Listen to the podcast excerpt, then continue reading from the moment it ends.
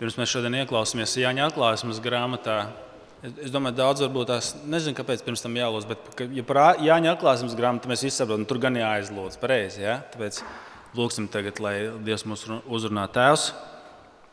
Tiešām tu esi sacījis caur savu dēlu Jēzu, ka tavs vārds ir kā cilvēka acīs, kas šķietam ir vismazākā sēkliņa, kas ir kā sinepju graudiņš, kurš tiek sēdz zemē mūsu sirdīs.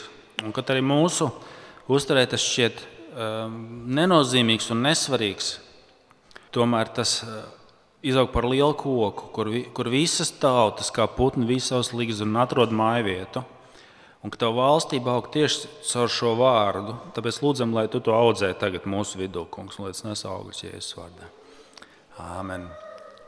Es, es šajās lieldienās uh, grib, es domāju parunāt par to, kādas sekas ir tam, ka Kristus ir augšām cēlies.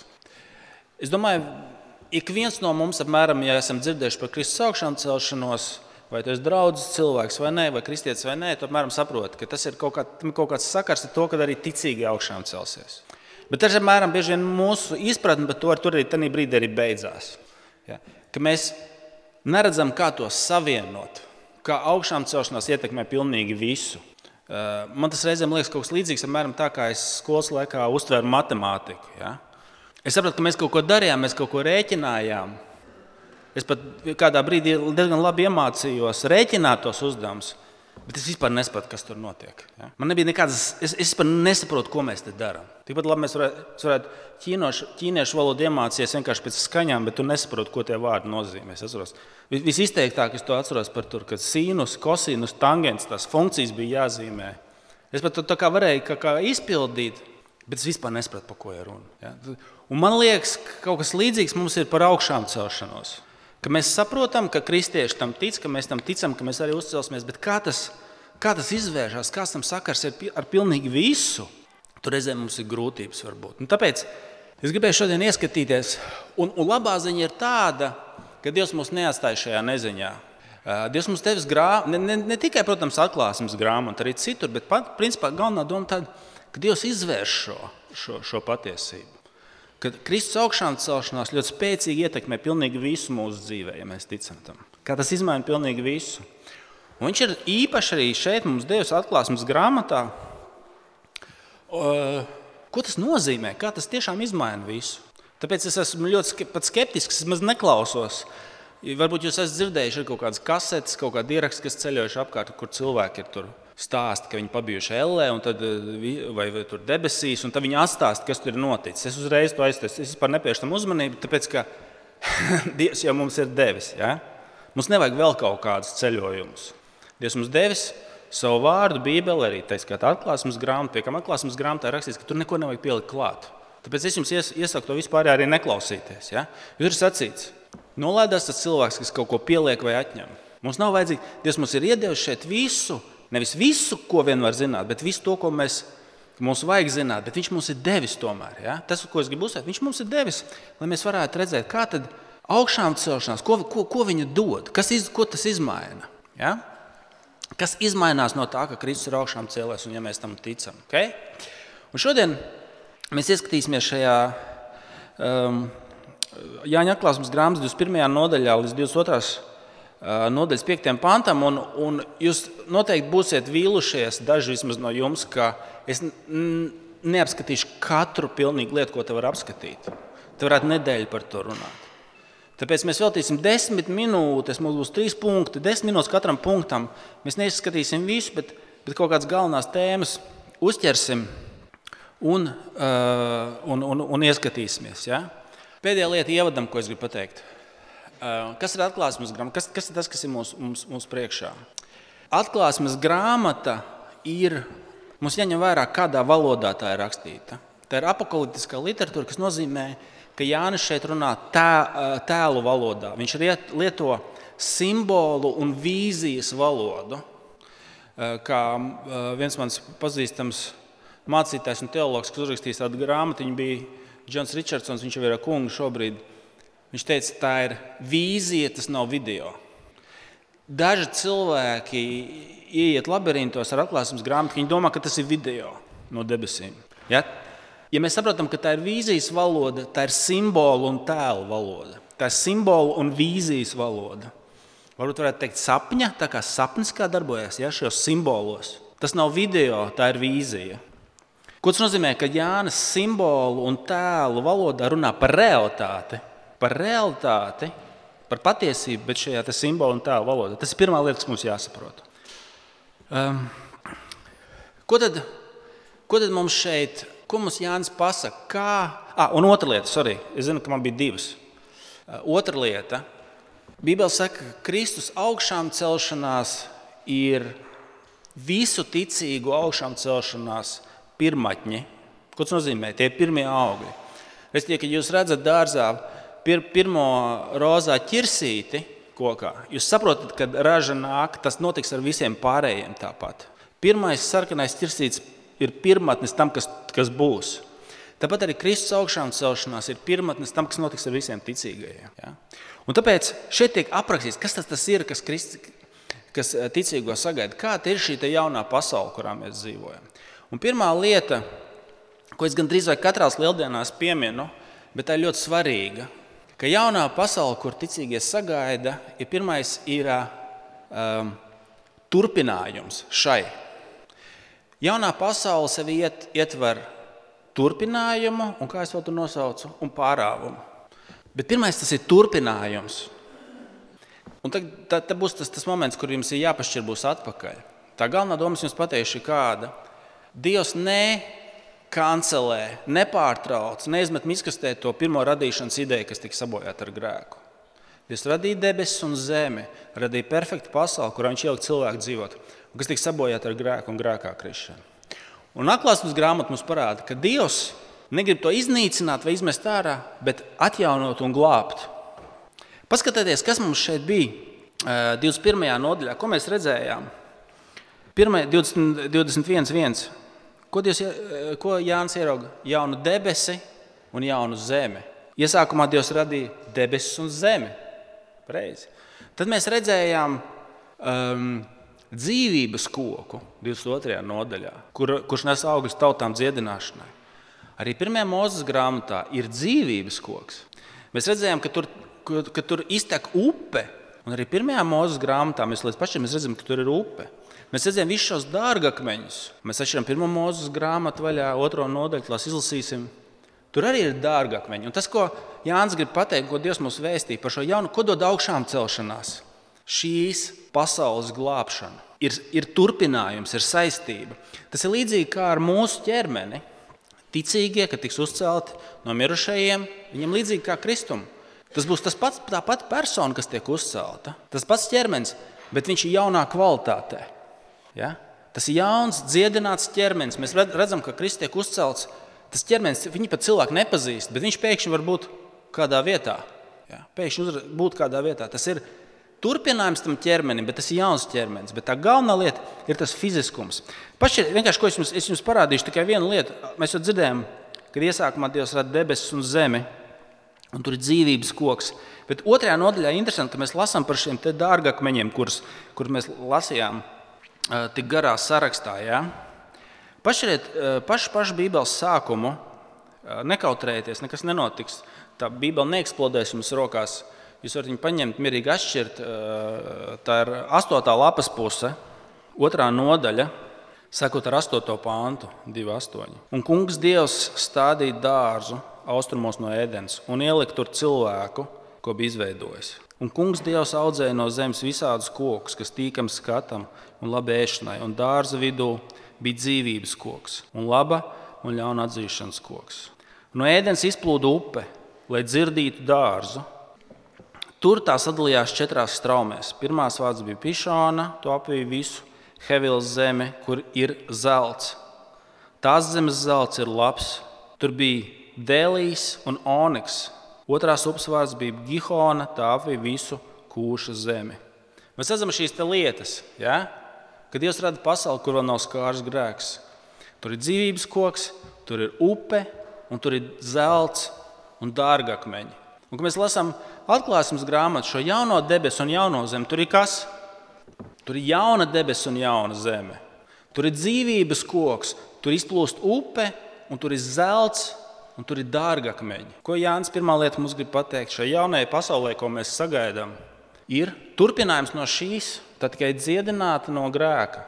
Tas tikai ir nākamajā līmenī. Tas nav vienkārši tas pats, bet Bībelē mums atklāja, ka tas būs kaut kas, kas ir nākamajā līmenī, kas ir pavisam, pavisam kā, prātam neat tas pats, tikai daudz labāks. Paskatieties, ja mēs šeit pirmajā mūzes grāmatā tur ir daži dārgākmeņi, tad paskatieties, kā šo bagātību un krāšņumu un skaistumu Jānis apraksta. Pašķiet 21. nodaļā, kur viņš, kur viņš saka, ka viņš redz šo jauno pilsētu, kas nolaiž no debesīm no Dieva. Jūs atšķirsiet 21. nodaļā, atpakaļ atklāsmes grāmatā, 18. sakot ar 18. pāntu. Mūrs bija cēls no jašmas un pilsēta no tīra zelta, tik tīra kā dzidrs stikls. Pilsētas mūra pamata bija izrotāta dažādiem dārgakmeņiem. Pirmie pamati no jāšmas, otrie no safija, trešie no Helsidona, ceturtie no smaragda, piektie no sardonikas, sestie no eh, sardolika, eh, sardonika un sardolika, septītie no hrizolīta, astotie no berila, devītie no topāza, desmitie no ahāta, vienpadsmitie no hiacinta, divpadsmitie no ametista. 12 vārti bija 12 pērles, katra vārti no vienas pērles. Pilsētas iela bija no tīra zelta, kas bija caurspīdīgs kā stikls. Ja? Tas, tas, ko, tas, ko uh, Jānis grib, lai tu redzi šeit, viņš saka, tie ir turpinājums no pirmās pasaules, ko sabojāja Krišana un Grēks. Bet tā ir jauna pasaule. Tā ir fiziska pasaule, bet tā jauna, kas ir prātam, tas krāšņums un bagātība ir prātam. Viņš, viņš cenšas to aprakstīt. Viņš, viņš saka, tas ir zelts, bet kā tīrs kristāls, kā dzidrs stikls. Tas ir kaut kas, viņš, viņam tā kā trūkst vārdu, lai to aprakstītu. Tas, ko, tas, ko, tas, ko Jānis grib, es jums pateikšu drusku vulgāri, lai tā norauj jumtu. Lai tu uz to skatītos, tev vienkārši būtu tā kā. Tu to nes, tas nav aprakstāms. Tas ir turpinājums no šīs pasaules, Jo, ziniet, kā dažreiz mēs domājam, nu, nu, tā, kā, tā, ideja par kaut kādu debesu valstību liekas ļoti nepievilcīga, bet viņš saka, tā ir tā pasaule, ko tu mīli, tikai glābta no grēka, un daudz, daudz labāk. Šis aprakstu uzdevums ir, lai tev saprastu, ka tev elpa aizraujās no tā. Tas, kas ir sagatavots šī jaunā pasaule, ko dod augšā, augšām celšanās. Jums nav bijis nekad tā, ka jūs esat kā kaut kur varbūt dodaties uz kādu vietu, un jūs pat īsti nezināt, ko no tā gaidīt. Un tas, ka tu to, to ieraugi, tev elpa aizsitās vienkārši ciet. Tu neko nebija gaidījis. Varbūt tas ir kāds ceļojums, kāda vieta. Es atceros, ka mēs ar sievu pirmo reizi aizbraucām uz Šveici. Mums tur draugi atļāva pie sevis tur padzīvot. Nu, mēs, mēs zinājām, ka mēs kaut kur braucam. Mēs tur ieradāmies naktī. Un par nakti tur pa tiem kalniem mocīdamies, tur maldījāmies, kaut kur ieradāmies. Uh, nu, neko nezinot, ko gaidīt. Ja? Mēs nezinām īsti, uz kuriem mēs braucam. Un tad no rīta mēs piegājām pie loga. Ja? Mēs nezinājām, mēs nezinājām, kas tā tāda Lauterbrunena ir. Mēs nezinājām, ka Lauterbrunena ir tā saucamā 70 ūdenskrituma valstība. Mēs nezinājām, ka Lauterbrunena ir tā vieta, kur Tolkiens, ja jūs zināt, Gradzena pavēlnieki iedvesmojās Lauterbrunenā vai Rivendelē, kur, kur elfi dzīvo. Viņš rakstīja tam savam dēlam, viņš saka, man ļoti liels prieks, ka tu tur pabiji, jo iedvesmu Rivendēlai 70 e, ūdenskritumu valstībai iegūt tieši no turienes. Tā kā tev elpa aizsitās. Jums noteikti ir savas tādas pieredzes, ka tu neko īsti negaidīji, un tad tev trūkst vārdu. Ja, man, man, man ir tādas divas, trīs epizodes dzīvē, ka tu nespēji noticēt, ka tas ir uz šīs zemes, parasti saistīts ar to pasauli, ja, mēs, kur mēs dzīvojam. Ka tev, ka tev varbūt tas sapņos atgriežas. Ja? Nav, tas, tas, ko, tas, ko Jānis šeit grib pateikt, viss, ko tu iedomājies par šo pasauli, tikai tādā līmenī, ka tev elpa aizsitās. Tas labais, ko tu zini par šo pasauli, kur ir sabojājis grēks, Kristus augšām celšanās, to atnesīs. Tas, ko tu gaidi, ko tu sagaidi, kā korintiešiem Pāvils raksta, neviena acis nav redzējusi, nevienā prātā nav nācis, ko Dievs ir sagatavojis tiem, kas viņu mīl. Tad turpinājums. Saka, nu kas, kas tas būs? Kāda būs šī jaunā pasaule, ko Dievs, ko mēs sagaidām? Tas viss labais, ko tu mīli par šo pasauli, kas ir grēka skarta, kur tu izbaudi, kur tu redzi, kur tu, kur tu baudi, tikai tas ir grēka skarts. Dievs tiem, kas viņu mīl, ir sagatavojis ar Kristus augšām celšanos jaunu, labāku, neaprakstāmi labāku. Turpat, ziniet, ja jūs ievērojat, kā viņš, kā viņš mēra, tur tas eņģēlis, kas mēra viņam pat. Tātad, 15. pantā. Eņģelim, kas runāja ar mani, bija zelta mēram noja, pat, pat mēram lente no zelta. Ko viņš to grib pateikt? Pat vislielākie ir tāda anekdote, kur, kur viens, viens kristietis gatavojās mirt, viņam ir čemodāns ar zeltu, un viņš tagad. Nu, viņš zina, ka viņš iet uz debesīm, viņš tagad tur ierodās. Viņš viņam prasa, kāpēc tu tos ķieģeļus paņēmi? Ja? Kāpēc tu tos ķieģeļus šeit atvedi?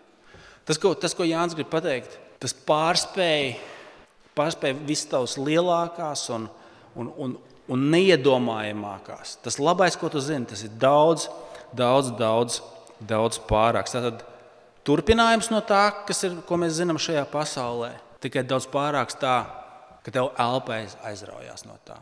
Neviena acis nav redzējusi, nevienā sirdī nav nācis, ko Dievs ir sagatavojis tiem, kas viņu mīl. Un tad, um, Un tad viņš saka, ka, ka, ka tā ir pasaule, kurā nebūs ļaunuma. Tā ir pasaule, kurā nebūs ļaunuma. Redziet, um, tālāk šajā pašā 21. nodaļā, um, sākot ar 23. pāntu. Pilsētai nav vajadzības pēc saules un mēnesis, lai to darītu gaišu. Um, jo to apspīd dieva spožums, un tās gaismeklis ir jērs. Tautas staigās tās gaismā, un zemes ķēniņi nesīs tajā savu spožumu. Dienā tās vārti netiks aizslēgti, nakts tur vairs nebūs. Tajā ieplūdīs tautu spožums un gods, bet nekad tur neies, neci, neies necienīgais, nešķīstais, melīgais. Tajā ies tikai tie, kas ierakstīti jēra dzīvības grāmatā. Tā ir pasaule, kurā nav ļaunuma, kurā nav, nav, nav grēka. Ziniet, kā uh, viens mūsu Kā, kāds tam ir uzdevums? Kas mums ar to jādara? Kāds ir uzdevums šai vīzijai? Mums viens mūsu draugs, profesors Iens Dūgis, teica, ko dara. Viņš pats ir skots, kas, kas dzīvo Amerikā. Viņš stāstīja, viņš saka, ko dara imigranti? Kas tās lietas, ko dara imigranti, kas dzīvo svešumā? Ja kristieši ir cilvēki, kas tagad, tagad dzīvo svešumā, Mēs sakām, kristieši tā īstā debesu valstība, īstā tēvzeme ir tā valstība, kas nāks. Un kristietis tagad dzīvo svešumā. Šeit, ko parasti, un mēs esam kā imigranti, šeit, ko parasti dara imigranti? Mēs to zinām arī pēc latviešu kopienām. Ja? Mēs zinām pēc latviešu kopienām kaut kur Amerikā, kas ir bijuši, ja? kas padomju laikā tur dzīvoja, kas bija, kas bija beiguši no padomju varas. Ko viņi dara? Viņi visu laiku nāk kopā, viņi, visu, viņi, viņi taisa savus dziesmu svētkus, lai saglabātu savu identitāti. Viņi dzied latviešu dziesmas, viņi sūta bērnus latviešu skolās, un viņi visu laiku sūdzās par to, cik tie ir slikti un tur labi. Ja, man kā imigrants stāstīja, ka Lat Latvijā ūdens bija vissaldākais un zemes vis, vis, visgaršīgākās. Ja? Un te ir kaut kas, kāpēc šī vīzija ir dota? Kristieti, viņi, viņi tev ir dota, lai mēs sanāktu kopā, lai ticīgie sanāktu kopā un teiktu, Tā ir mūsu īstā tēvzeme, tā ir mūsu īstā tēvija. Lai mēs dziedātu dziesmas, savas īstās tēvijas dziesmas, lai mācītu bērnus par, par to valstību, kas nāks, un saprastu, ka šeit viss nav ideāli. Kad īstā valstība ir tur, kas nāks, ka tur ir īstās labās lietas. Ja?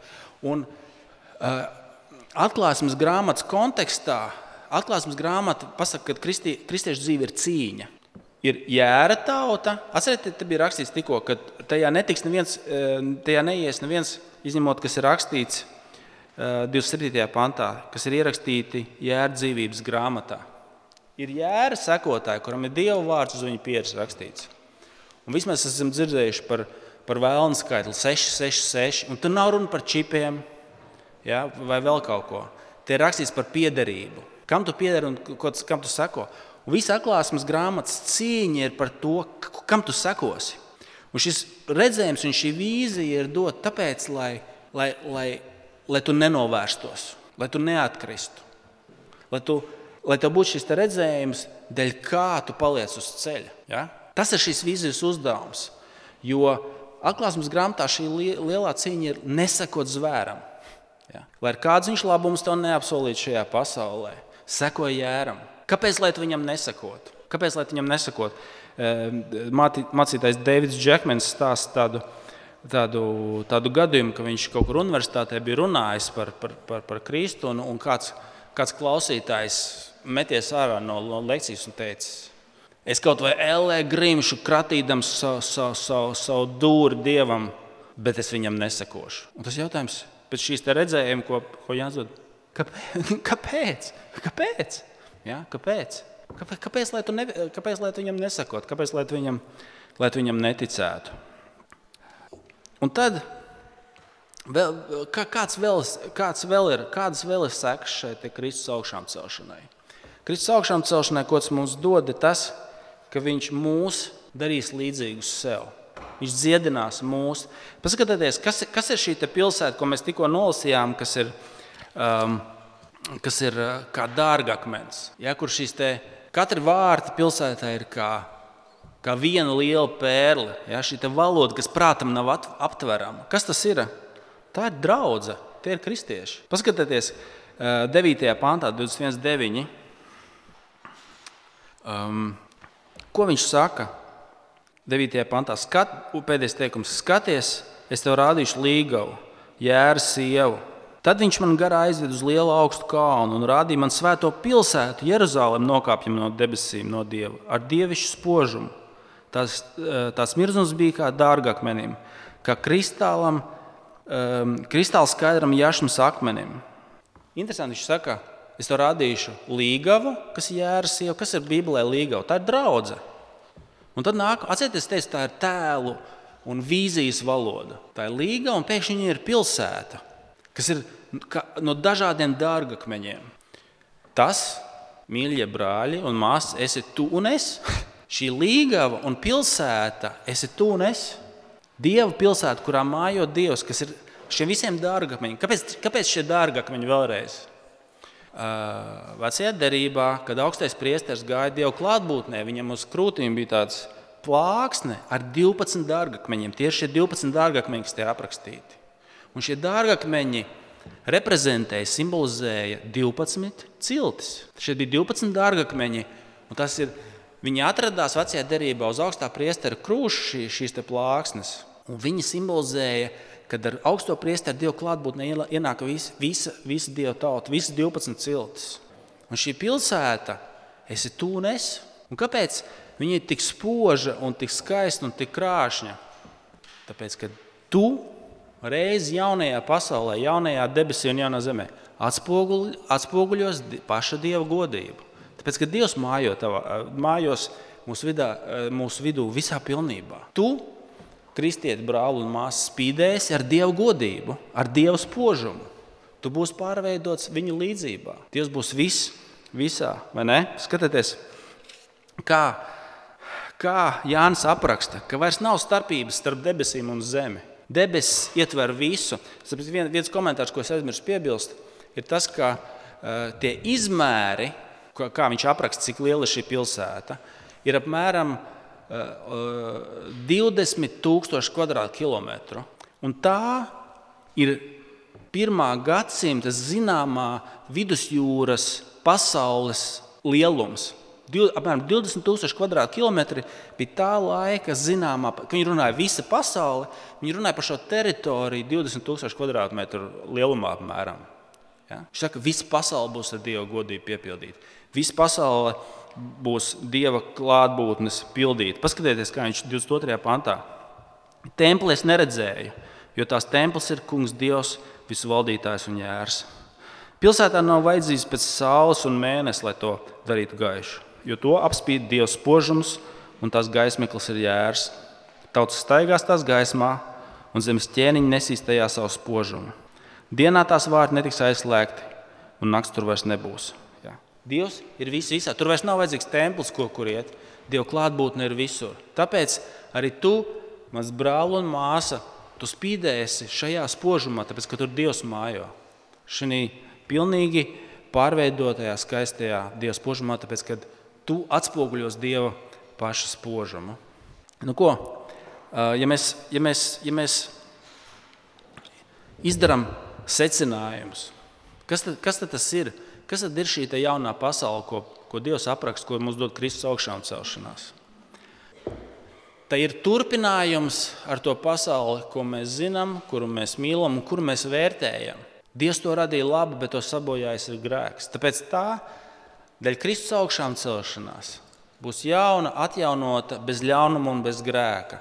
Tāda, ka mums elpa aizstās, ka mums nav pat vārdu, ar ko to aprakstīt. Viss, ko Jānis cenšas pateikt, ir saka, kaut kas līdzīgs, tikai kaut kas neaptverams. Lai tev būtu šis te redzējums un, un vīzija un skatījums, kāpēc palikt, turpināt būt uzticīgi, uzticīgam uzticīgam kungam un, un sekot Kristum. Un arī tu šodien, kad tu redzi savu grēku un vājumu, un nespēku un vilšanos par sevi, kad skaties uz sevi, tu redzi visus trūkumus, un, un, un grēkus un vainas.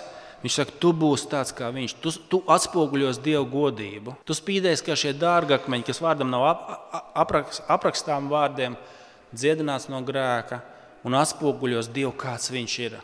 Un, kā, un tas jautājums, kā, tur, kā, kā mēs tur nokļūstam, vai tas ir kādā veidā cilvēks tur nokļūst? Atcerieties, viņš sacīja, tur nonāk tie, kas ir rakstīti jēra dzīvības grāmatā. Kas ir jērs? Tas ir upuris. Viņa dzīvības grāmatā tika, grāmatā tika ierakstīti, kas pieņem jēra upuri, kas notic tam. Atcerieties, mēs, ja kāds nedzirdēja, noklausieties pēdējās piekdienas dievkalpojumu kur, kur, mēs, kur mēs dzirdējam to, ka viss, kas no tevis tiek prasīts, vienkārši paskaties uz viņu. Savā nespējā pacel acis uz viņu, paskaties un dzīvo. Pieņem šo upuri.